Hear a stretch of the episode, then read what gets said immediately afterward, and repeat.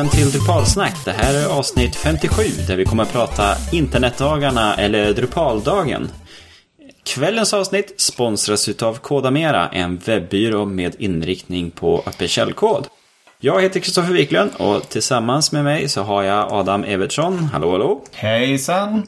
Hallå hallå! Och sen har vi Leander Lindahl också. Hallå hallå! Ja, hejsan! Vad kul att ha er här på tråden igen då. Ja. För ni har fått uppleva något som inte jag fick uppleva här nu. Ja. Ni var ju på eh, internetdagarna. Ja, precis. Och till och med Drupal-dagen får vi på.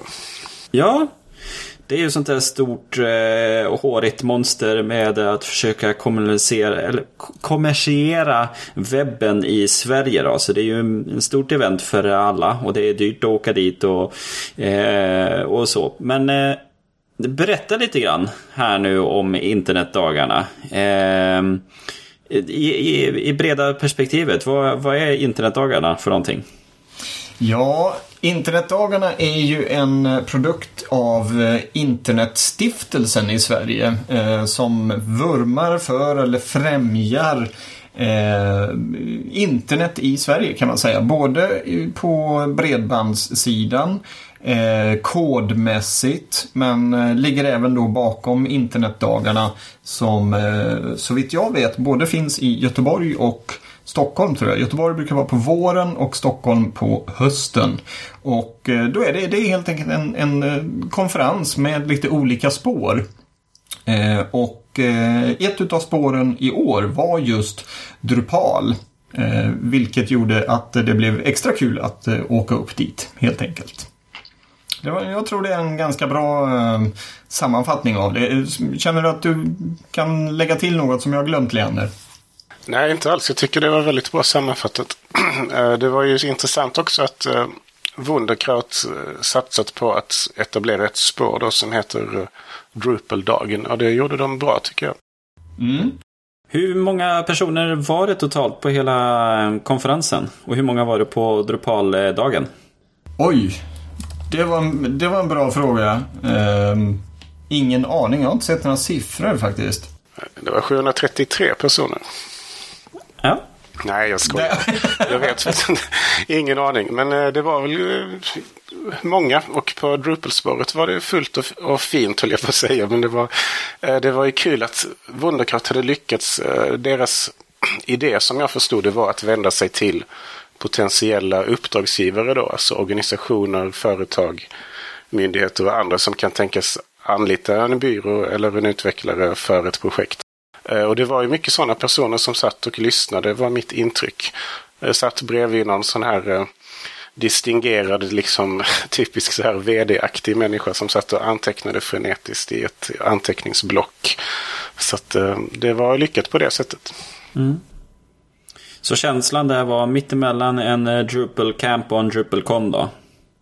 Ja. ja. Vad säger du Adam?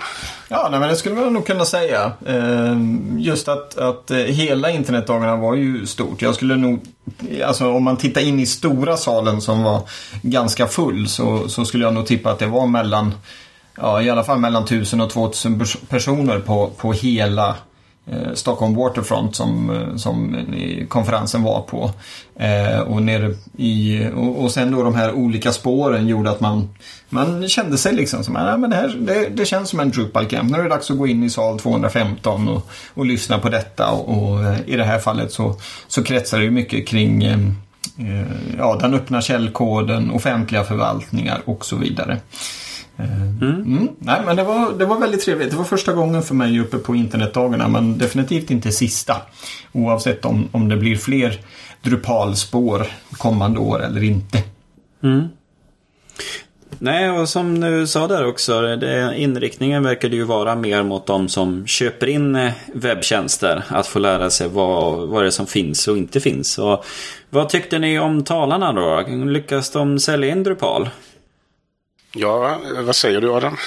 Jo, det tycker jag. Eh, de hade ju två karismatiska talare, Jeffrey Jam McGuire och Robert Douglas. Och eh, där den ena lyfter fram, där, där Jeffrey då visar på hur Drupal har använts inom eh, offentlig förvaltning världen runt. Både i Australien, USA och nu senast även, han tog upp som exempel EU som kommer att börja jobba mycket med Drupal. Eh, det lyfter han fram på ett väldigt bra sätt. Han har ju snackat om sådana här saker tidigare så att han vet ju, han kan faktan så han kan ju sälja in det på det sättet. Eh, och sen på eftermiddagen så pratar Robert Douglas om alla nyheter med, med Drupal 8. Eh, och det är likadant där. Han, han sålde in det på ett sånt bra sätt. Eh, han grottade inte ner sig i de här utvecklarnördiga grejerna. Även om de dök upp lite i förbifarten. Men han lyckades sälja in fördelarna på ett sånt jättebra sätt. Så att jag tror de som var där och lyssnade eh, kommer säkert att ha med Drupal som ett litet S i rockärmen när det, när det kommer till eventuellt byte av system eller uppgradering. Ja, jag håller helt med. Jag är väldigt lätt påverkad av sådana här skickliga amerikanska talare. De har ju en fantastisk tradition i liksom alla, alla Drupalcons och camps och sånt jag varit på. De som är amerikanska talare de är ju så, så duktiga att det, det är ett rent nöje bara sitta där och lyssna oavsett vad de pratar om.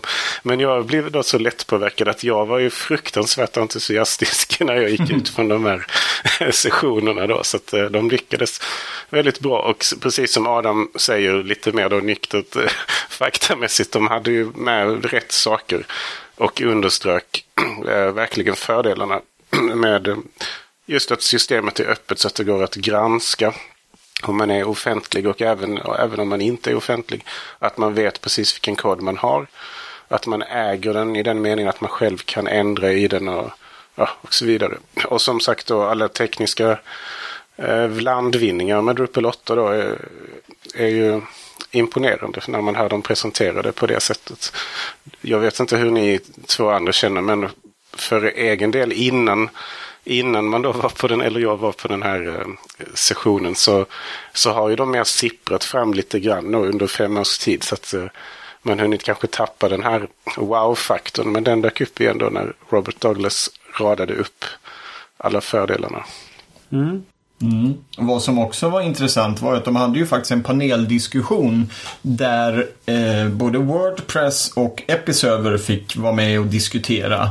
Eh, nu var det ju inte officiella representanter från Wordpress och Episerver utan det var ju eh, det var en VD från, eh, nu ska vi se här så att jag säger rätt, det var en kille som heter Robert Lidberg som är VD på byrån Duva som jobbar mycket med eh, med eh, Wordpress och sen var det en kille som heter Jakob Tvedmark som var VD på en byrå som heter Motillo som pratade om Epi.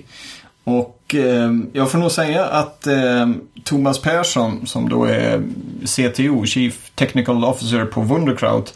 Eh, jag tycker att han gjorde ett bra Ja, han körde över dem helt enkelt. Eh, vilket, var, vilket var väldigt enkelt för att både Robert och Jakob lyckades inte nå fram med hur bra deras system var. Det var till och med så att Robert, eh, som pratade om Wordpress, nästan lyfte fram nackdelarna med Wordpress istället. Det var liksom, nej men söken är ju kass i Wordpress. Bara, Jaha, okej. Okay.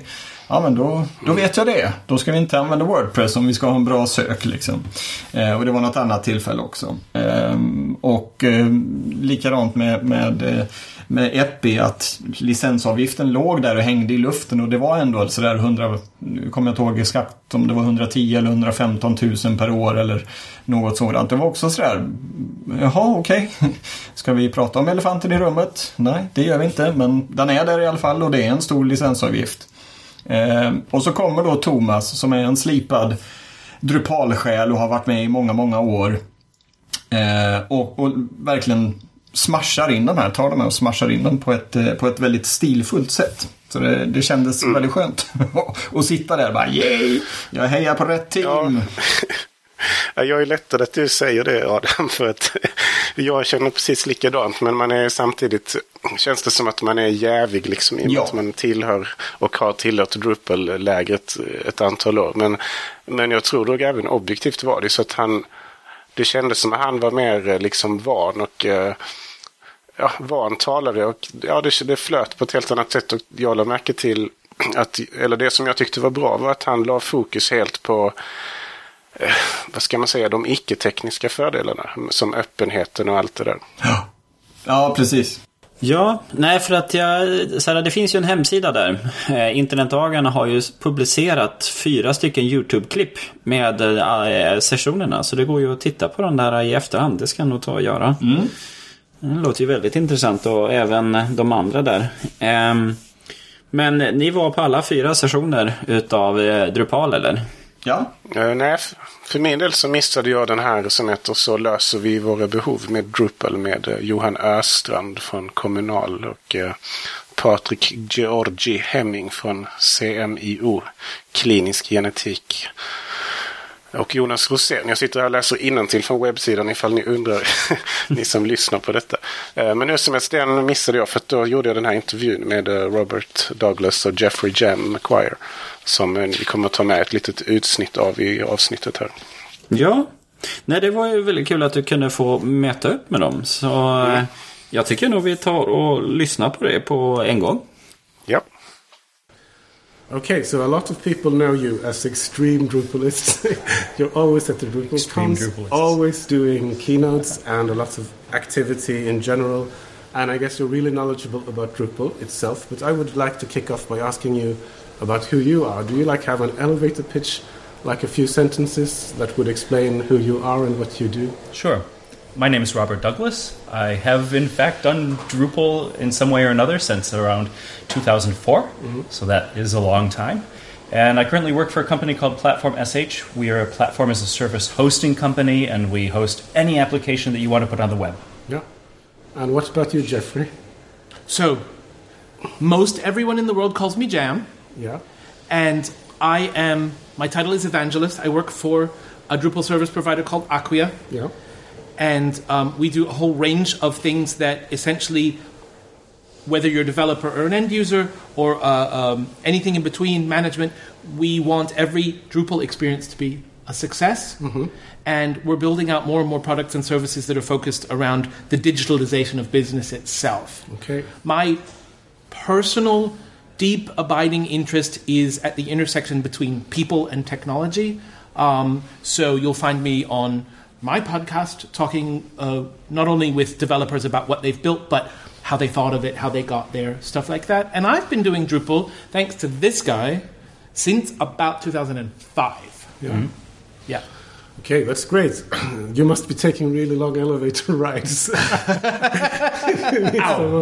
burn, I'm sorry, burn. No, that was not meant as. Uh, it was just because I had a lot of the answers you provided were like calming questions. but I have another one, kind of personal question, and this, by the way, is kind of uh, copied from some WordPress podcast that I listened to. Uh, so I thought it's a bit like a Proust questionnaire. That this guy, it's the uh, WP Elevation podcast. He always has the same schema, so I'm trying that on you. So what do you The usually? other one, the other one that you should check out is the Actors Studio yeah, I know. question format. Yeah, that's like the awesome. original. So this Yeah. is not going to be the actual. Okay. but It's, it's the same format. You have like a set of questions that I feel uh, lets you get to know the person kind of well. So what was was your dream and like ambition growing up? What was your dream job as a kid? So, as a kid, it was really clear. From the age of 10, I wanted to play uh, the French horn in orchestras. And by the time I was 30 something, I had actually achieved that goal. I was in an orchestra in Germany playing the horn, and I wasn't making very much money, and I had achieved most of the goals that I had set out to do, and I couldn't imagine myself doing it for 30 more years. Hmm. So, I read a magazine stand that said, Young man, do Java. Okay. And I was like, oh, that's me. I'm going to do Java. I, it was what exactly what it took. I read one magazine and then I started learning Java, and that turned to a programming job, and that turned into Drupal. Yeah, great. And what about you, Jam? We met playing French horn Yeah. and before either of us were doing anything with computers. Um, in fact, it was long ago. I, enough, I guess I owned a computer, but yeah. Um, when I was 16, when I was 16, I decided I wanted to be a performer, and we play the same instrument. Uh, my username everywhere is Horn Cologne because I play the horn and I live in Cologne.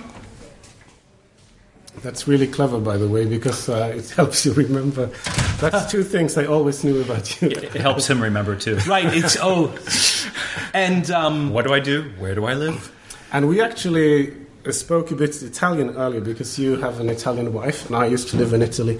And then you told me in Italian that you actually live on the same street in Cologne. 1600 meters apart. Yeah, that's, right. great. So, do you ever grow tired of each other? A lot of. Usually. He doesn't. it's, a, it's a one-sided. Yeah. It always works. Okay, let's go on now. yeah, well, now that the floor is cleared. Yeah. so um, I also wanted to ask you, like, when was the first time you encountered the phenomena of the internet? Do you remember, like, what what it was like? And yeah, I was studying for a, a music theory examination in, in school, and I, I uh, was in the computer lab working on a music program when I clicked the internet icon, Yeah. and uh, up came an ad to play Monopoly, and I clicked the ad to play Monopoly, and I spent the rest of the night playing Monopoly instead of studying for my examination. Did you pass it? I won. yeah. And what about you, Jam? Do you have a specific memory of the first time you encountered the internet? It's become so pervasive so quickly, along with cell phones and such. It's, um, but it, it was actually, you know, quite a gradual transformation in the last 15 years, I guess. And I don't think I do. I don't think I have a friend. I remember very clearly when my daughter was three, and we had an inter- internet connection at home, and that was new, and we'd been using it.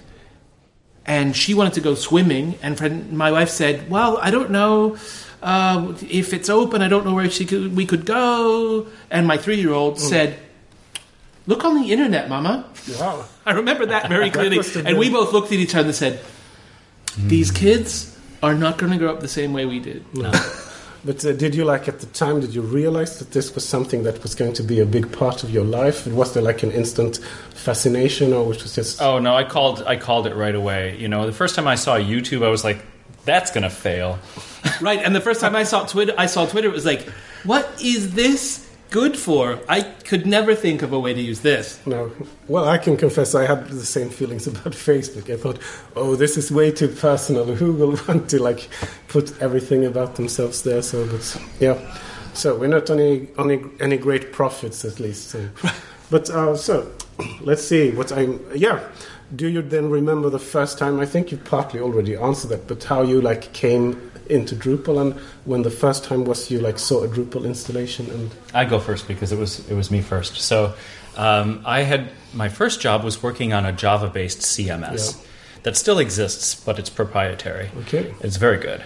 And because you wrote it. no, I didn't. I was um, I was um, essentially unqualified to do anything at that point Okay. because I had just learned how to program Java on the train ride to orchestra rehearsal, literally. Okay, so you were kind of winging it, like I was winging it. I didn't even know the German word for keyboard, for example, or computer. So when I showed up at my job and they said, Herr Douglas, here's Ihr Rechner, I was like, I know. wie bitte? Mein was? Und wie heißt, Tastatur, nicht? Äh, Keyboard. äh, Genau. Tastatur auf Deutsch. I didn't know that either, though. so uh, I was not really qualified to be working on this magnificent proprietary Java CMS. So when they fired me, Yeah. uh, several months later, or laid me off rather, um, I wanted to build websites for musicians. And I had a friend who was working on the internet, and I asked him, Well, I don't have this tool available anymore. Mm-hmm. How could I build my websites? And he said, Well, you should check out Mambo and Typo 3 and Drupal and about five others that don't exist anymore. Hmm. But really look at Drupal. They just added a taxonomy feature mm-hmm. that might be interesting. So I downloaded Drupal and didn't look at any of the others mm-hmm. and didn't evaluate any other system ever. It was just like the magazine stand. The magazine said, Young man, go Java. And I went Java. I downloaded Drupal. It worked. I never looked back. And what version was that? Was that already 4 point something? Four point something, yeah. Like And then you 4.3 or 4. and you became, came into Drupal through Robert, or Yes. Yeah. So I Kicking also. and screaming. Um, had you done I, any um, previous like web building? Nothing. No. Nothing. No. I am a performer by education and training and experience. I am uh, multilingual. Yeah. And I spent my days working as a musician, rehearsing, performing, traveling, and translating. Yeah. So I translate from German to English and from Italian to English, and I was doing a lot of technical work and I was doing a lot of film industry work, and the situation wasn't dissimilar to his. I wasn't making uh, money that you know money for the amount of effort that, that felt sustainable for the rest of my life. And as satisfying as it was, um, being in that piece of the entertainment industry was very difficult. Sub, I was doing subtitles, script translations, and, and uh, stuff like that. Was that in Germany or? That was in Germany. Um, and he knew I was frustrated, and he'd found PHP and he'd found Drupal by then and started telling me about it, and uh, essentially told me I needed a website for my chamber music group, and he told me, You can build it yourself. You like that design stuff anyway. Mm-hmm. Go learn HTML and CSS. And I did, and I made a site, and it was mm-hmm. fun. Mm-hmm. Then we made your first PHP website together for the second version of that. And then I really enjoyed it. I really loved it. And you made a site for my uh, driving instructor in Germany That's because true. I, I had to learn how to drive again. so, yeah, so that was actually my first gig. I did build a. Yeah. Yep. And Oh, so your driving instructor was like your client, more or less. Uh, well, his client. Cli- yeah, but through you. So, Yes. So yes. I still, I'm still of- waiting for my referral fee. Okay, so, So he he but the he said so if you like this stuff I'm going to tell you what you should learn and then I'll monitor your progress and when you get to a certain point uh, I will try and get you work and it worked out and I fell down this incredibly deep beautiful hole Yeah.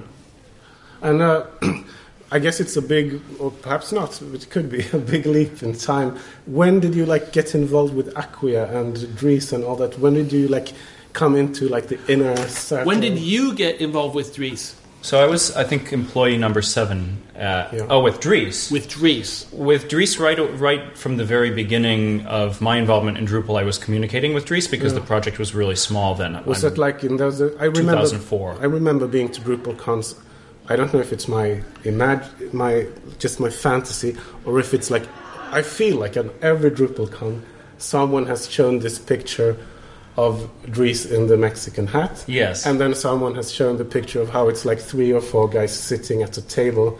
This was the first DrupalCon. Was it back in those days? So Dries with the hat predates the first DrupalCon. Yeah. The first DrupalCon was in 2005. Were you there? Yes, Yeah. the first European one. So they had a meetup at OSCON in Portland that might qualify, and Dries gave, Dries gave a presentation on mm-hmm. Drupal. That you could possibly count, but inspired by that, Dries decided for EuroOSCON, the European hmm. version of OSCON, to have a sister event hmm. in a nearby town hmm. called Antwerp, Yeah. uh, where he invited all the Drupal people who were interested to show up, and he was amazed that like 40 people signed up, and he they had to double the size of the conference venue from one conference room to two, to two. Yeah. But this conference is amazing because mm-hmm. almost all of the people who were there, almost all 35 of us, are still involved in Drupal. And the things that we did at that conference were, for example, uh, Architect CCK, which turned out to be Fields, you know, and CCK in Drupal 6, and then Fields in Drupal 7. Now everything in Core is a field. Uh, that was where that architecture happened. And uh, it was it was fairly amazing. Uh, so then um, that turned later into a connection with Dries that led to me working at Acquia. Yeah.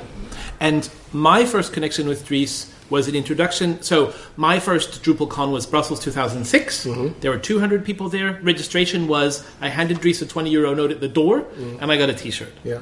And because I was working as a professional writer, mm-hmm. he brought me on board through Rob's recommendation to write all of the text, including the API documentation and the initial legal disclaimers, when he founded Mollom.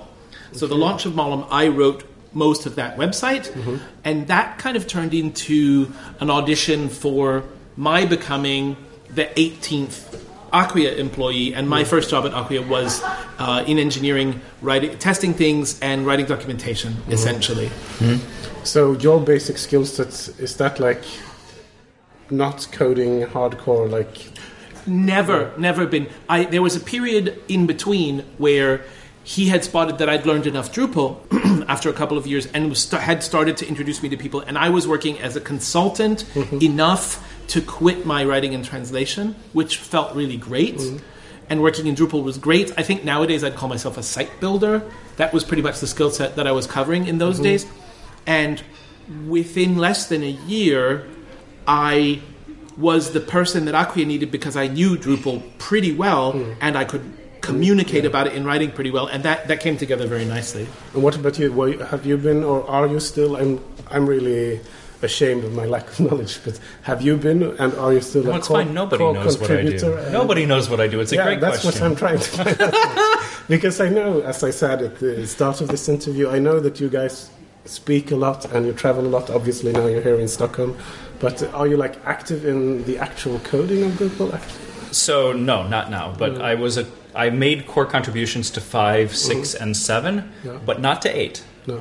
So I was totally not involved code-wise with Drupal 8. Uh, the modules that you might recognize from my past are include like Memcache module and Solr, Yeah. Apache Solr. Cool. Yes, I remember that actually because I worked at the Node One for a while, and they were using Solr in Mm-hmm. Yeah. one of their projects for IKEA. And I helped, for example, uh, I helped Drupal.org Mm. adopt Solr as its search, which was a great improvement over what they were doing before. Yeah. So for a long time, I did a lot of coding. But uh, starting at Acquia and now then through Commerce Guys and now with Platform.sh, which is the company that I'm at now, I've been more first consulting and now management. And how come you left uh, Acquia, the like home of every, at least in my interpretation, the home of every hardcore Drupal person? Well, I have deep ties to the Commerce Guys company. I was there at the moment of inception, Yeah. so to speak, because um, a member of my family actually founded the company. yeah, And it's uh, not Ryan Serrano. No, I Yeah, helped. I, yeah. It was Mike O'Connor, and I helped Mike recruit Ryan. Mm, mm. And so I was uh, an advisor to Commerce Guys from the beginning, and I was actually on their advisory board. And they had an opportunity to become a product owner for a number of products that they had taken venture capital for. And that sounded like a good opportunity to me that uh, wasn't available at Acquia at the time. And it turned out to be a really great choice, and I really like the role of product owner. Yeah. Um, I now actually run the help desk, and um, I'm responsible for enter- enterprise client success Yeah. on our hosting platform. Yeah, cool. So, um, more questions. I get a bit stuck here.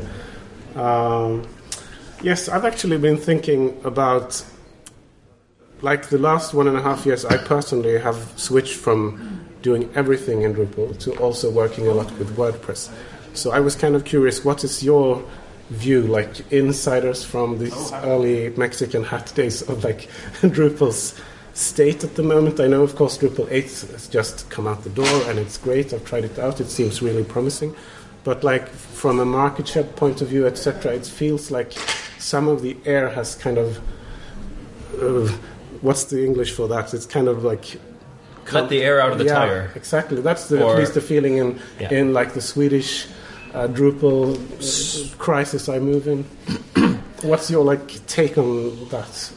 So, Drupal 8 is an extraordinary set of achievements, and not only is it that, but they're made in such a way that we are going to be able to make Drupal 8 itself better and better and better during its release cycle. It's incredibly exciting. I've been pretty he- heavily involved in the development cycle, um, not doing code, but talking with the people who've been doing it in the last few years. I've had a lot of conversations about it about how it's put together and what the consequences and benefits of that are. I'm completely convinced we have the right product at the right time, and the excitement is coming back Yeah. really, really, really strongly. And I think we have a chance to grow incredibly as a community. Yeah. Um, thanks to this technology partnership with other open source projects, thanks to this up to date architecture, thanks to it being really, really ready to tackle things like the Internet of Things and and um, you know be a content engine in the middle of a lot of other stuff. The um, the but WordPress, WordPress is good technology, and if I were only wanting to do a blog plus kind of a thing, or someone I knew wanted that, I would say go to WordPress.com. But, but is it a bit like that, that Drupal is kind of focusing and perhaps increasingly focusing on more like enterprise scale web solutions? Because I come from like a small shop, mostly working by myself, uh, and for me, like Drupal.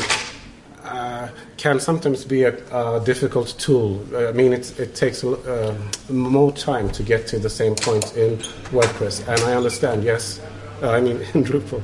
Uh, I understand if you, if you're building like a site, the ones you were speaking of today, like government websites, etc., then that's no big deal because the project itself is so big that the gain you would have from quickly getting everything up would be so little compared to the entire project. So is that kind of fair to say that Drupal is focusing? If you're doing a small project, you shouldn't use Drupal. Is that the way it is? That's not fair to say. Is it okay if I continue? So, um, as a technologist, Yeah. my blog right now is running in Jekyll. Um, and I think it's really, really important that we touch other stuff, use other stuff, um, try out Typo 3, type out, try, try Sculpin, try, you know, uh, Symfony. It's really important that we know what's going on and so that we have a better chance of making the, you choosing the right tool for the job. Yeah. Now, in general, for a small, for, specifically for a blog, WordPress is is a really great product. Drupal gives you a lot of advantages in terms of scalability and what have you. So yes, Drupal eight certainly serves the enterprise market very very well. It's going to be very quickly and heavily adopted there. But if you're a small site owner, if you live in a country um, with multilingual requirements, Finland, Switzerland, Belgium, what have you, um, you need easy multilingual. Um, Drupal 8 has four modules. You turn them on. The whole thing is translatable, localizable. It's amazing. You need that as a, Yeah. for a small site. Drupal 8 is responsive out of the box. Drupal 8 can edit from edit from any device out of the box. I mean, um, all of these advantages, like super quick um, page delivery through BigPipe and through the, the front end optimizations, that's great for small sites too. So I think it's really a case of these these advantages that get driven by the people who can afford to push them in. Enterprise clients, big sites, people really investing in Drupal and getting back, and the small players, the NGOs, the who, who, whoever it is, get the advantage of being on the same uh, playing field uh, uh, technology wise.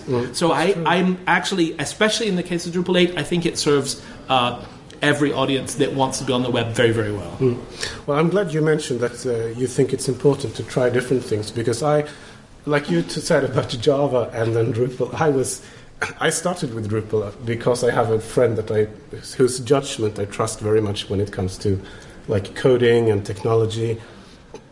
And he said, "You should try Drupal." And I thought, "Well, I'll try Drupal." And since I'm, I was originally not very much into coding. I've improved a lot since then. But then I thought, I'll just do Drupal because it's better to just do one thing and become good at that. Uh, but now, when I've recently tried other stuff, I feel it really enriches my perspective, both on Drupal and the other platforms. So I'm glad you mentioned that because I was uh, trying to figure out a way of asking you that question. Is that like common practice within like the core Drupal people that they look at WordPress and these other systems to kind of see what are the benefits, what are, what could we learn from these other platforms? There's a, a very famous blog post from 2013 by Larry Garfield called Getting Off the Island, where he said, People, there are other projects out there, Yeah. go check them out. And the follow the follow up um, blog post, I believe, was called something like Building Bridges, Mm-hmm. and there was another one. And Larry continued and said, Okay, now that you've gone and met other communities, go build a project with somebody else's technology. Mm-hmm. Yeah. Mhm. Go do it. It'll be good for you, Yeah. you know. And um, and and um, Larry, apart from being amazingly smart and one of my favorite people, I mean that's that's exactly right. Yeah. We even if we truly believe like, hey, Drupal will do everything, and Yes. Mm. I mean we have an economic interest in that. Truly, you need to know what's going on around, you. and it's not the perfect tool for everything. No, no, that's interesting. I found it really uh, enriching to try other stuff, and it's it's actually changed my approach to Drupal slightly. and one one improvement in Drupal 8 that I figured out uh, two weeks ago or something when I downloaded the then released Candidate 3 uh, is like the block system that you can have m- multiple instances of one single block. That's like a huge improvement that I could never get. Why doesn't this exist in Drupal? So I'm, I'm happy to hear about that because, um, yeah, the reason I'm asking is, as I mentioned at the start, I consider you to be like hardcore Drupal people, so you would probably know. But We are the. I'm so not hardcore, but that's thank you. No, it's like like if you're like a small tiny guy from Sweden and you go to like a Drupal con, there's like this gang of the the real Drupal people and they all know each other since 1975 more or less. I, I, I think it's a gang of the oldest and loudest, yeah, I know. not the hardest core. no, I guess it's All my right, you're the oldest then. my and you're lack the of- loudest. it's my lack of uh, uh, proficiency in English. Now, this we're doing a cool thing today. We are at the say the name of the conference. Internetdagarna. Internetdagarna 20, it's okay, right? Yeah, 15 in Stockholm. And we are simultaneously recording the Acquia podcast and Drupal Snack. Uh, one would say Drupal Drupalsnack. Drupal Snack. Yeah, you sound a bit like a Belgian trying to say. Oh, oh, oh. Interview's over.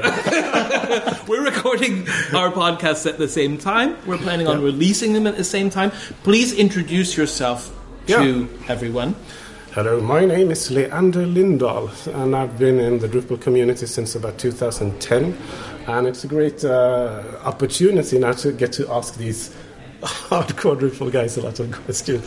Uh, so perhaps after this, I'll also be like part of the Yes. the Iron team in the center of. So, a friend of yours told you to check out Drupal. Do you have a first Drupal memory? Uh, yes. Well, no, I, not a specific one. I guess it's like with you and the internet. But I remember like the general feelings they had about Drupal, and it was At the beginning, they're usually terrible. Yeah, it was Drupal six, and I was really surprised. It's and you you said that also in your uh, your uh, speech earlier today, like that when you if you or perhaps it was Thomas in the panel discussion afterwards. But anyway, someone said if you just install Drupal without like the extra modules and extra work, uh, usually the reaction is, is this all? And that was really my reaction. And then, as a, I'm originally a designer, and nowadays I'm more like a front end developer, do a lot of coding. But I was absolutely horrified with the, the like interface. But that changed soon enough because I, I don't remember, it was towards the end of, was it 2009 or 10? I, but anyway, Drupal 7 came, uh, like the stable version came two months after I became acquainted with Drupal. And then I was just, yes! And I remember, I think it was Michael Bolton, was that his name? No, not Bolton. Yes. Is it Yes, that? yes, yes, Because yes. there's a singer Yes. as well called No, it's Mark Bolton. Mark Bolton. Right. Yes. okay, sorry, Mark, if we confused you with the uh, ballad singer. But anyway, he did a lot of great jobs and uh, work. And I remember at the DrupalCon Chicago where I went, we had uh, Jared Ponchot of uh, Lullabot speaking about like pure design. Had nothing to do with, with Drupal or technology. Well, a bit with technology, but so that was a really great influence into the Drupal project. I think that you had, and I'm not. Perhaps you know about it. Was that like a conscious de- decision from Dries to bring in more, like user experience goodness into the project? Well, yes, they paid for it. Yeah. Oh, it, they it was did. it was um, it was an initial uh, quite a hefty investment on the part of Acquia Yeah. to Im- improving Drupal. Um, so you've been doing Drupal for six years, more or less now. Yes. What made you stick with it? Uh, as I said, when I did the choice, I knew little about any such CMS, and I decided I'll just stick to this one. Come rain or snow, I'll stick to this one. So I learned that one well, and at that time, like that goes back a bit to the question I asked you about, like the market and the feeling. And the at that time, Drupal was really hot, at least in in Sweden, and I guess all over Europe and the US, etc. Uh, so I felt, yeah, this is the future, and it has been. Of course, I won't. I don't want to diss Drupal because I've learned enormously from that, uh, and especially I've learned like the culture, both the culture of the community, which everyone always praises, but that's uh, justified, and also like a good feel. I feel I've learned a good coding culture with Git and commits and documenting stuff. So it's been a great learning experience. And but this, the reason I stuck to it was like stubbornness. so, uh, but after five years, I kind of dared to open the window a bit and take a peek at the other side. Well, there's there's a point that I want to make here because you you put your finger on it, but only lightly. It, there are two things. Uh, what you really want in technology today mm-hmm. is to have honesty in the requirements gathering, and mm-hmm. most people don't have that. Mm-hmm. It's not a problem of choosing the right, right technology. That's actually pretty easy if you've been really honest with yourself in requirements gathering. What do you actually need to do? What are your actual requirements, and at what point in time do you need to fulfill them for any given project? And most people's requirement lists are so long that they basically need the entire internet. No software gives you that. So if you're honest with your requirements, you can narrow that down into what's the most key fundamental requirement. And then you can choose the right technology. And once hmm. you've chosen the right, right technology, then you have to apply good coding culture. Hmm. Just like you said, it's hmm. it's not that systems have won in technology today. It's not Drupal versus Joomla versus WordPress. It's about what ideas are the right ideas for doing any given project. And if, if you have that, and if you've done your requirements honestly and not lied to yourself about what you actually need, then you'll make a good technology decision. But then uh, that that's um, perhaps that can like connect to another thing I actually had in mind. If we still have time, we'll have to see. Oh yeah, we still have some time.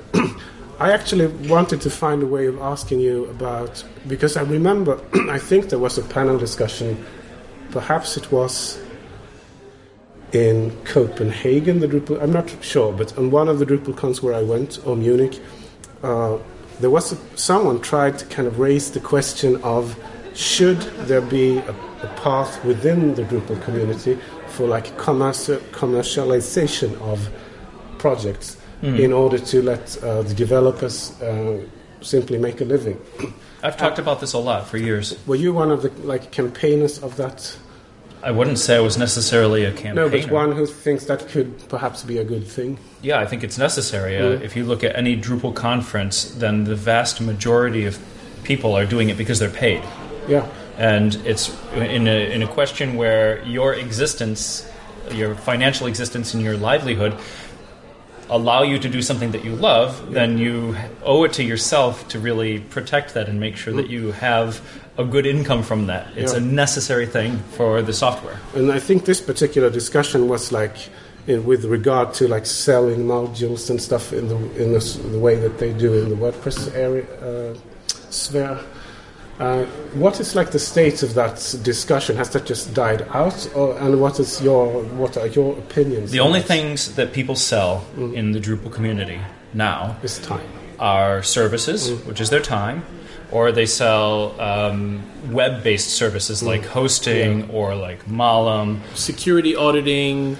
A security audit is a service. That's a human service. Okay, but then there are tools like the Acquia Insight thing, which is monitoring all of your That's a web process. service, yes. But um, I think So, pro- yeah, products and services. Almost nobody pays to download any code. There are Because- a yeah. couple exceptions to that. For example, uh, there are some people now using Drupal to build software as a service products. Mm. Uh, Roomify is one of my favorite examples. Mm. So Roomify is a, a module or dis- dis- Drupal distribution that you can download, and you can mm. actually pay to download it and get a support contract from Roomify, or you can pay to have it hosted online. And then you get the Roomify software, which is Drupal with modules and themes. For a fee, but you get the support contract as well. But essentially, that's selling support, not Yeah, selling the sure. software. No, they're selling software as a service. but can you get the software without the support for free? You can, but that's their choice. They wouldn't have to Yeah. do that. They could just make it software as a service. But um, what what what do you think would happen? Oh, not would happen, but what is your impression of the general feelings towards that? Because I remember at that time, I had the vibe in the room that most people, oh, that's really bad, and Yeah, but that changed over time. I have to tell you that I brought up the idea of um, providing long-term support and uh, you know access to updates and uh, you know a published roadmap and you know actual timeframes like the professionalization of the software process. I brought that up many times at many conferences. I think the last time I directly talked about downloading paid modules for long-term support, uh, etc., um, was in a Drupal camp at London, and the session ended, and the people in the room demanded that we go to another room to keep talking about it in a very positive manner. Ah, that's so great. the attitude toward the idea actually changed over time. yeah, big- But nobody really took up the model No. except themes. yeah. I'm happy to hear that that like discussion was in a positive uh, uh, note or on a positive note because I, at that time that I tried to describe, which I don't remember when it was, I was one of the people who thought, oh, that's really, we don't want to pay for this. But since I take, took like uh, a leap into the WordPress space, at, initially I still thought, oh, that's really crappy. These guys who try to come like monetize their their plugins, etc. And but over time, I've come to realize it can actually be very beneficial if you've like for $25 or something like that you buy a plugin that's really where people have the opportunity to put in the hours to work on it and get because everyone has to make a living especially well not especially but i guess it's uh, particularly a challenge if you're working with web technology in open source in an open source environment because most of the participants aren't like working for Acquia or something like that they have their own little web shop and they work. Yeah, they try to make a living. So if you spend four hours one day trying to create an open source plugin or module, that's like four hours that you won't get paid, at least not in the short run. Sure. So I'm happy to see that those thoughts are still. Well, let me put it this way. Yeah. If you're going to adopt software mm. to run on your website and you're going to depend on that mm. software, you want to make sure that the developers of that software have the time and the mandate to develop that software and maintain it for you. And if they're struggling to make it by because they're doing uh, one web project or after another for customers that they have to go hunt, then they're not going to give you good software. in my job interview with Dries to, to join Acquia, he explained the idea of Acquia, which the business model was providing support. Uh, Uh, that was the first idea, and he said, "Look, all of our stuff, everybody can download it and do whatever they want. Mm. And there are a lot of people in the world with a lot of time mm. and very little money, and that's perfect for them. But mm. the people we're going after, they don't have any time, and they have plenty of money to pay for it. And it's interesting that that's really come full circle. I was at, uh, it was in Berlin uh, last week at a conference called the Open IT Summit at the mm-hmm. Abgeordnetenhaus, and the discussion after my panel uh, came back to exactly this point, and I think for the Drupal community, part of it was just gearing up to take this leap of faith into asking for money for more than just selling hours. And um, one of the people in the audience there said, "Oh, we have a we have a product that's completely open source, all on GitHub. Uh, you can have it anytime you want. We have this package where we sell it and we provide certain guarantees around it. Um, almost nobody downloads it, and we have a, a very healthy business. So there's there's a lot of truth in I want peace of mind and I want as little risk as possible, and that's there's actual real value in that. Right. Yeah, because I've been actually, it's kind of out of self interest. I've been toying with the idea perhaps one should create uh, a module of some type and try to sell it. But then I've been kind of afraid, well, then perhaps everyone in the Drupal community will think I'm just a really terrible person who tries to introduce this commercialness into the innocent, beautiful world of open source. Who cares what they think? Right? You don't have to ask permission. Okay, great. So, well, anyway, I think we could conclude that part. And I wanted, I, I listened to your talk earlier today, and there was one interesting point, or there were two interesting points. Uh, the one thing was there was a woman, I think she said she was from Ukraine, uh, who asked you afterwards. Uh, like she explained, they are, I think they was, were a government agency or something in the Ukraine, and they didn't have any money or very little money and they had been recommended Drupal and they were using Drupal and they had a team of developers. And she said that, that one of the things that they were told when choosing Drupal was that, well, Drupal is open source, it's a big platform, you can, you can switch teams of developers. and as we all know, listening to this, I guess, uh, it's not that easy. And you explained to her that yes, it's in theory, it's the same building blocks, or well, actually also, but then the way you implement them can vary very, very uh, much. So, and that's that's really a, a difficulty within Drupal that I've also identified. I've been I've several times been asked to take over a project that was from someone else, and every time I'm really baffled. I, usually, I I figure it out after reading through the code and stuff, but that's that's the difficulty within the Drupal process. And you said Acquia is trying to do a lot of stuff to amend that difficulty. And you mentioned something about the distribution. I think it was called Spark. Is that true? No, No. no. Acquia is working on a Drupal distribution that's called Lightning. Mm-hmm.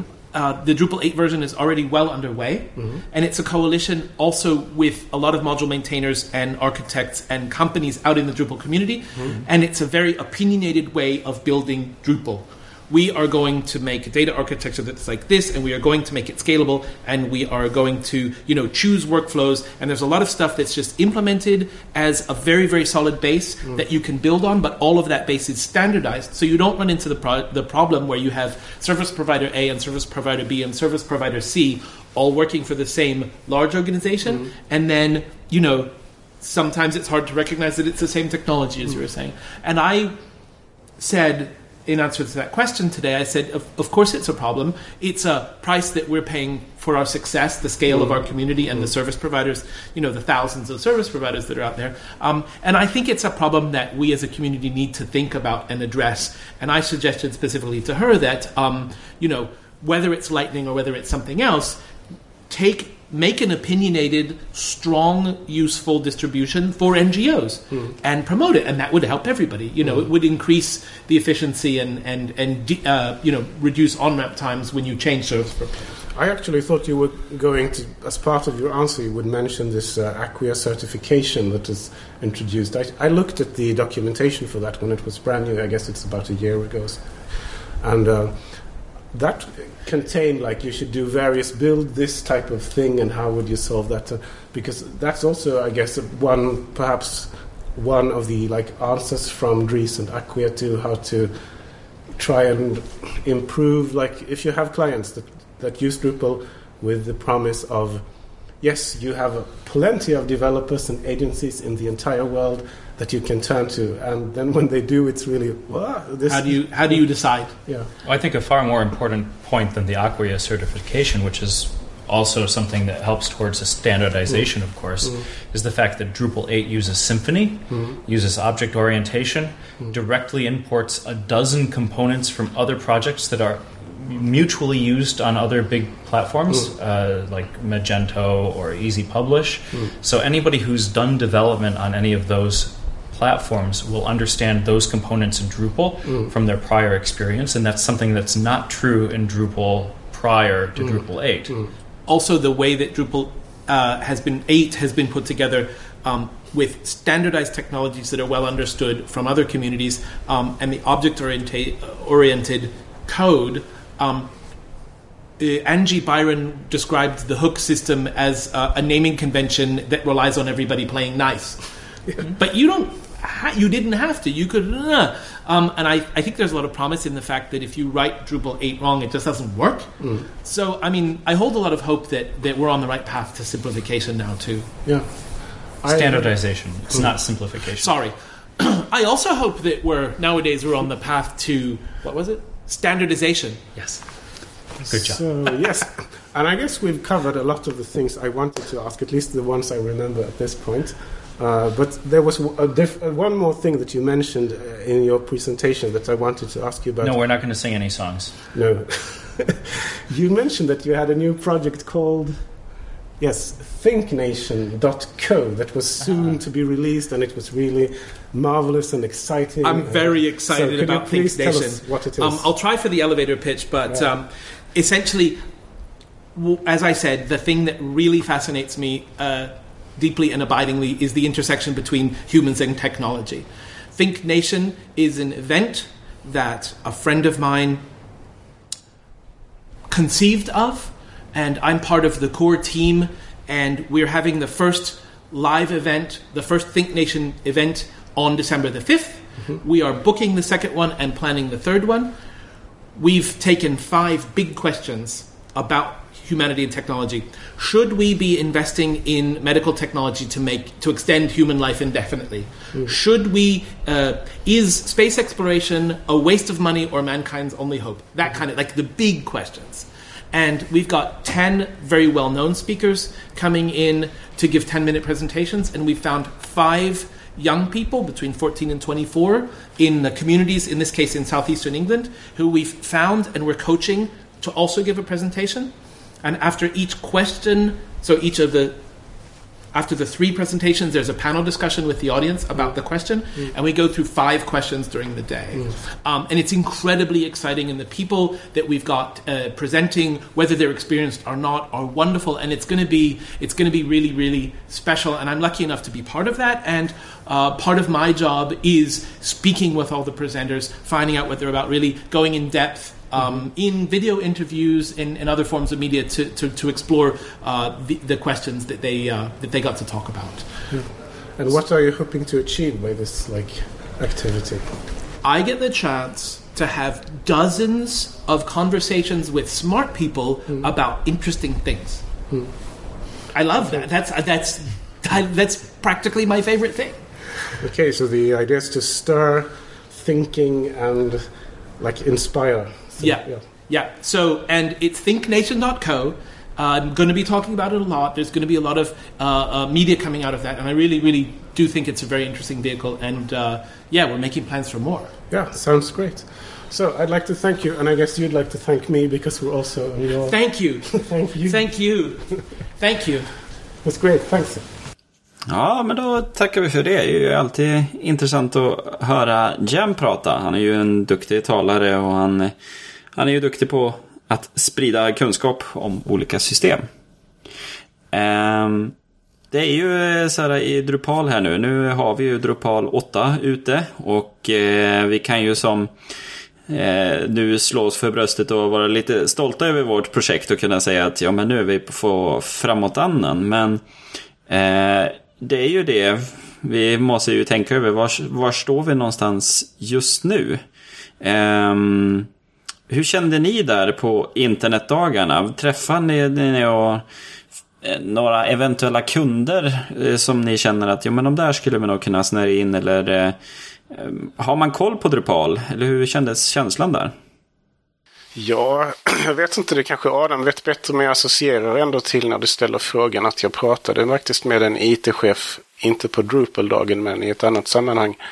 Som eh, liksom knöt näven och svor för sig själv över att Drupal 8 hade släppts precis typ två månader för sent för att han skulle kunna välja det för en ny webbplats han skulle ta fram inom sin Ja. organisation. Vad tråkigt. Mm, verkligen. Men vad säger du Adam? Eh, Stötte du på några potentiella kunder eller kände entusiasmen flöda? ja, jag, jag får väl säga att vi, det serverades en rätt bra kund eh, under Jams eh, genomgång av Drupal i offentlig förvaltning. Eh, han gick ju verkligen igenom hur Drupal används inom offentlig förvaltning världen över och eh, under frågestunden mot slutet av hans session så lyfter, eh, eller så får en herre micken eh, och frågar då den här eh, distributionen som australiensiska regeringen har satt samman. Eh, är detta något som, som jag kan använda? Jag jobbar i Alingsås kommun i närheten av Göteborg.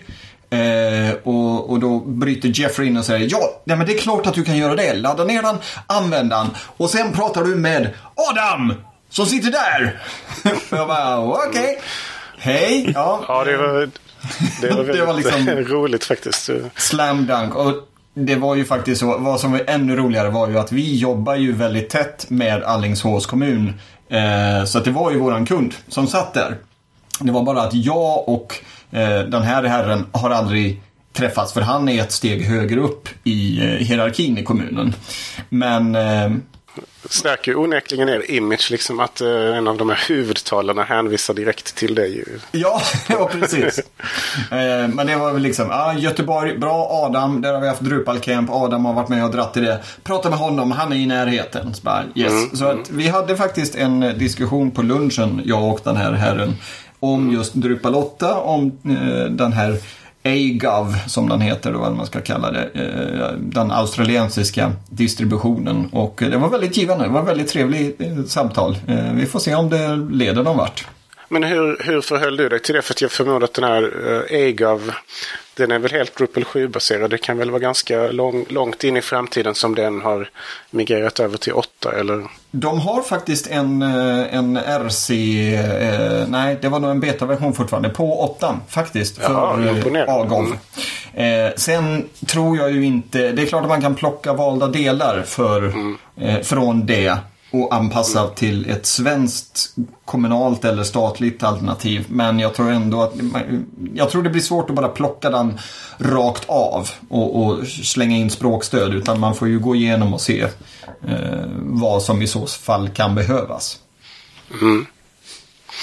Ja, man blir lite nyfiken på att titta närmare på den. Det har inte jag gjort. Men eh, för att den kan nog främst kännas som inspiration, tänker jag mig. Så det är precis som du säger, det kan nog vara rätt svårt att bara ta den och eh, köra igång på en svensk myndighet eller en svensk kommun eller så. Mm. Det, det, är ju ändå så, vi har ju um, inom Sverige har vi ju rätt mycket krav och regler på vad en kommunal webbplats ska innehålla. Det är mycket tillgänglighet, det är mycket information som ska finnas där. Mm. Uh, och det finns det säkert i Australien också, men inte samma sorts information eller ja, men ehm, ja, vi får väl se vad det, om, om det leder någon vart där. Ja. ja. Hur var det i övrigt då med mingelmöjligheter på internetdagarna?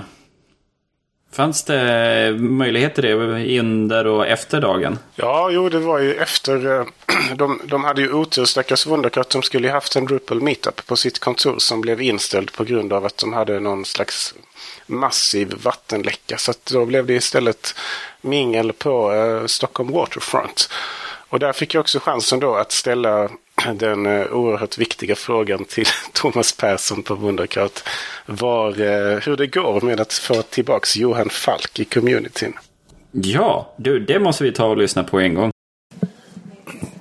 Okej, kära podcastlyssnare. Vi sitter här med Thomas Persson är det va? Ja, det Thomas vet jag att du ja. heter, men efternamnet är med... Helt korrekt. Helt, helt korrekt ja. med Thomas Persson. Ja. Perfekt.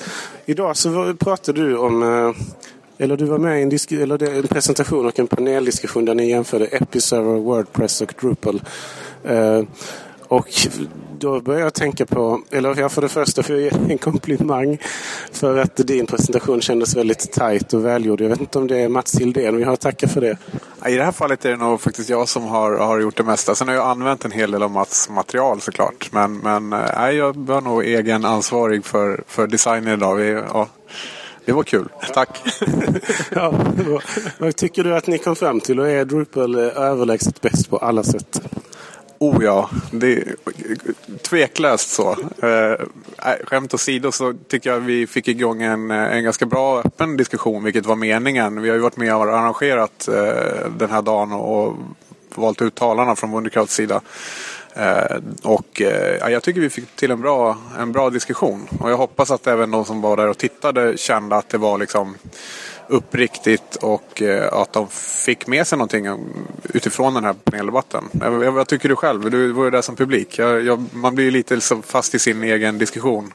Jo, jag tycker att det var en bra balanserad diskussion och särskilt att ni var ärliga med att det kan vara problematiskt om man drar in för mycket moduler och sånt i ett projekt eh, om inte de håller rätt kvalitet. Men det är intressant för att jag minns när jag började med Drupal så var det ju, och det finns fortfarande uttrycket There's a module for that. Att det var liksom ett av de starka argumenten för Drupal. Men nu är det tydligen ett starkt argument mot Drupal. Ja, det är lite roligt. Men till kontrast till There's a module for that så är det ju The Drupal way som man pratar om också. Eh, som någonstans inte kanske lite lika aktivt idag används. Men någonstans för mig har det i alla fall betytt. Eh, jag tror jag skrev ett inlägg om det där för ganska många år sedan på svenska Drupal-communityn också också. Att Drupalway handlar om att bygga saker utan kod. Och då är det snarare byggstenarna än de här liksom färdiga paketen av funktioner som är för slutanvändare. Utan det är liksom eh, ja, det som vi tidigare hette CCK, Views och så vidare. Som är de här ja, byggstenarna som gör Drupal så unikt. Uh, ja. Så Drupalway snarare än There's a module for that. Det, det är nog det jag är ute efter. Ja, nej, men jag håller med. Jag är själv lite ett barn av The Drupal Way som den lärdes ut på Node One. Som ju är föregångaren till Wunderkraft där du jobbar nu. Jag tänkte fråga Adam Evertsson på, på Drupal Snack bad mig också. För jag fråga, vad ska jag fråga Thomas nu? Att, tror du att det kommer att ta lika lång tid för Drupal 8 att få liksom traction? Att att bli mainstream och ha alla funktioner, alla contrib-moduler och så som behövs som det gjorde för Drupal 7. Det var ju, tog ett tag innan den kändes helt komplett. Ja, eh, där såg jag någon intressant siffra och det var väl egentligen att när efter att Drupal 7 släpptes så tog det ett halvår innan Vue släpptes. Och man ser i statistiken av användningen av Drupal 7 att den, liksom, den hänger ihop med från att Vue släpptes, då tog det fart. Och nu är Vue i core. Så att, eh, egentligen, där är vi nog förbi den största barriären. Eh, sen vet jag, det finns ju eh, modul som väldigt många använder som metatags till exempel. Eh, är ju rikt, inte riktigt där ännu så att idag får du ju lösa det genom att eh, skapa manuella fält och så vidare eller custom-lösningar. Men det är ingen stor issue beroende, men, men det är sådana moduler som är väldigt många troligen kommer att använda som bygger Drupal-sajter framöver. Du sa att ni, man får skapa särskilda fält och så. Det låter ju då som att ni har redan byggt en hel del i Drupal 8 och då kommer jag ihåg att jag tror det var du som sa under din presentation att ni byggt er sajt eller så var det någon av dina kollegor. Men Wunderkrat sajt är redan Drupal 8. Ja, vi startade faktiskt utvecklingen i våras. Idag. Jag kommer inte ihåg exakt när det var. Så att vi, vi körde bleeding edge och fick ju äta upp en hel del av de buggar som, som fanns. Eh, Det, Pontus Nilsson hos oss har ju stått för mycket av de eh, migreringarna som, eh, ja, som inte blev migreringar utan snar- snarare ombyggnationer. Det har varit en rolig resa men lärorikt. Men ja, vi lanserade, nu, jag har faktiskt inte datumen i huvudet, men vi lanserade på Drupal 8 i kan ha varit augusti kanske. Något sånt där. Eh, och vi var ju nu i förra veckan så patchade vi ju även sajten så att vi kör Drupal 8.00 eh, några timmar efter att den kom ut. Vilket var, det kändes stort också. Vi, Gjorde, gjorde ni det live under liksom releasefesten? För jag vet att Kristoffer Wiklund som är en av kollegorna i Drupal-snack, han sa att eh, de skulle göra en live-installation av Drupal 8.00 på hans kontor. Gjorde ni det under releasefesten?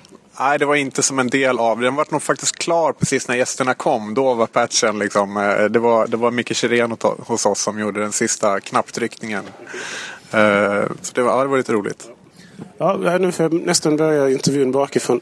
Kanske redigeraren kan klippa om det här. Men jag tänkte också fråga dig, kommer du ihåg första gången du kom i kontakt med Drupal överhuvudtaget?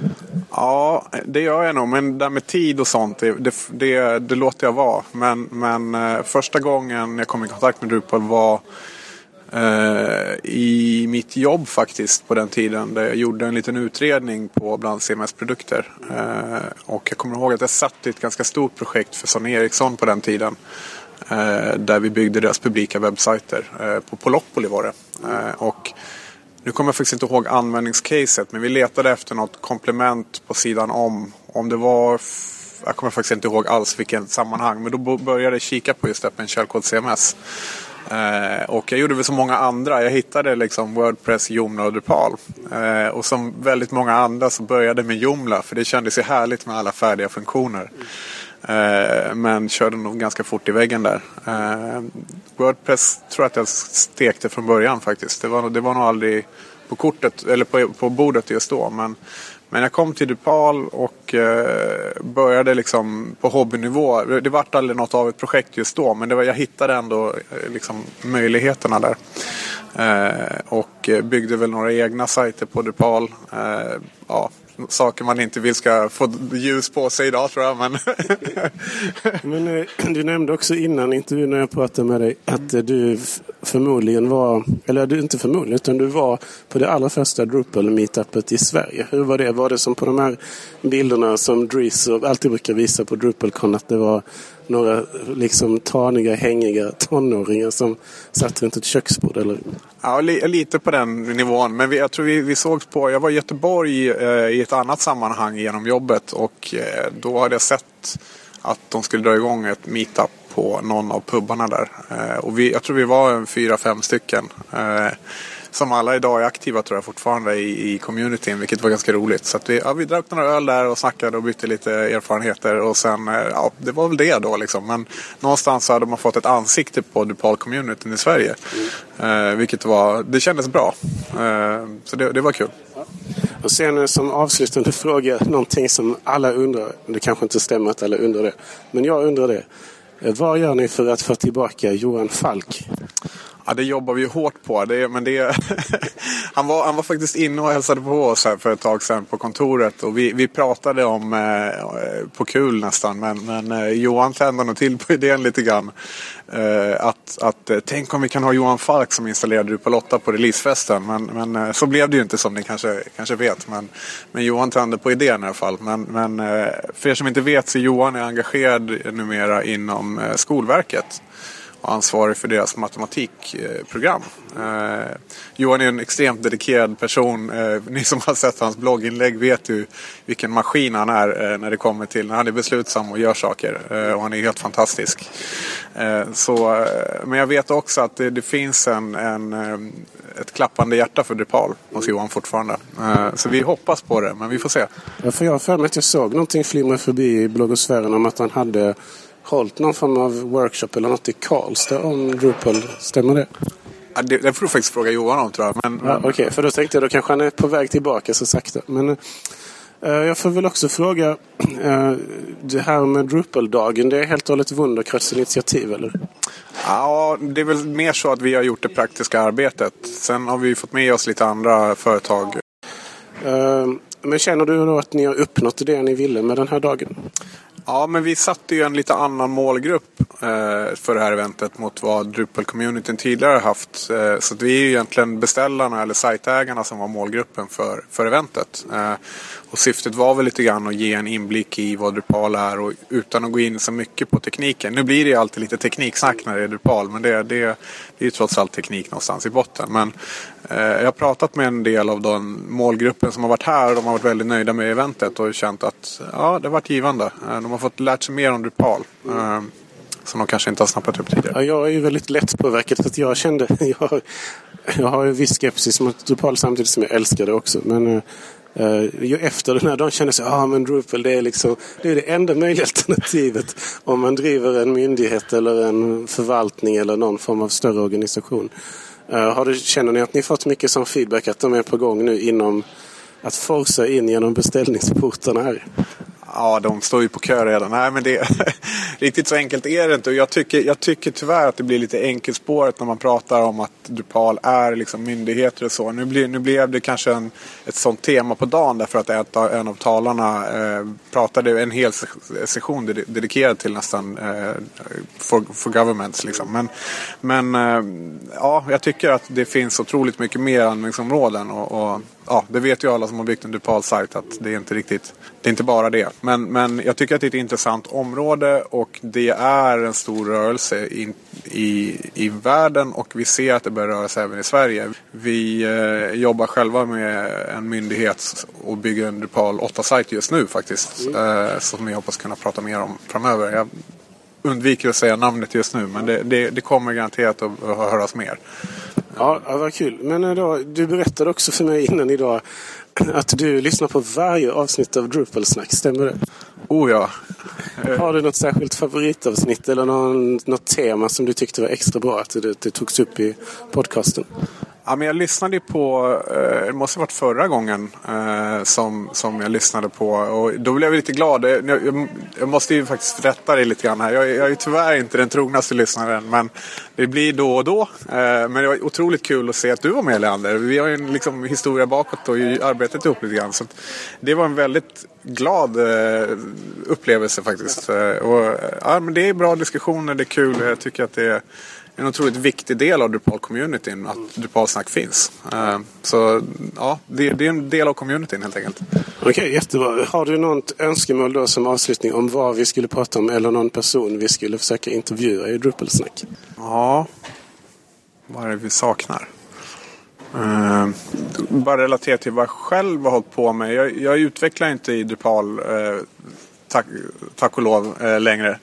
Eh, utan för, alla andras skull mer in- för, än för min egen. Men, men, eh, Så det är inte för att det är så hemskt att jobba med Drupal? Nej, det är, mer, det är mer för kundernas skull. Jag, jag, jag brukar säga att jag har aldrig varit en utvecklare men, men, eh, men jag har, har eh, ändå förstått styrkorna med Drupal. Så att säga. Eller jag har aldrig varit en bra utvecklare ska jag säga.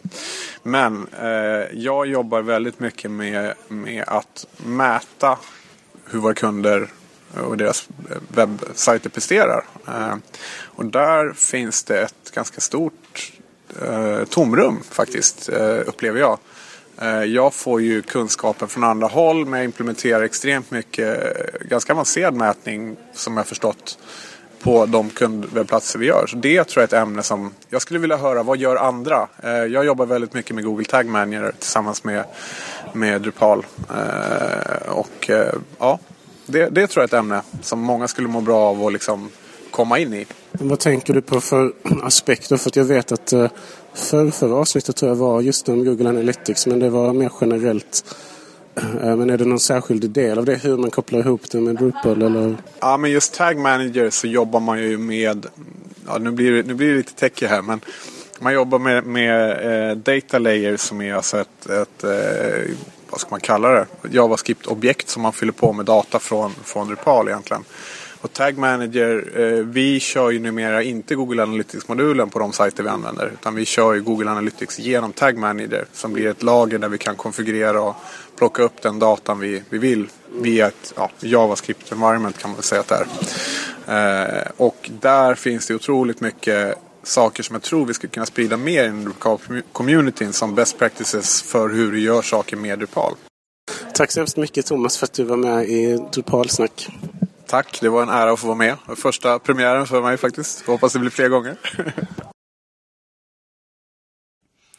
ja, vad spännande. Jag hoppas verkligen att Johan Falk eh, hittar tillbaka. Men också hur kul är honom på myndighetssidan där. Mm. Eh, med tanke på vad vi pratade om tidigare med myndigheter och AGAV och de bitarna. Att tänkte att få med en, en, en, en, en skolmyndigheten att kunna trycka ut Drupal som ett verktyg in i skolväsendet. Eh, det finns ju stora möjligheter och jag ser ju, man ser ju hur svenska staten skulle kunna gynnas av ett sånt open source-del om det bara struktureras på rätt sätt. Ja, det ser man verkligen fram emot att det ska öppna upp mer för open source generellt. Liksom, om man tänker på Office och alla möjliga andra open source-projekt som verkligen skulle vara en stor tillgång, tycker jag, för eh, mm. offentlig förvaltning.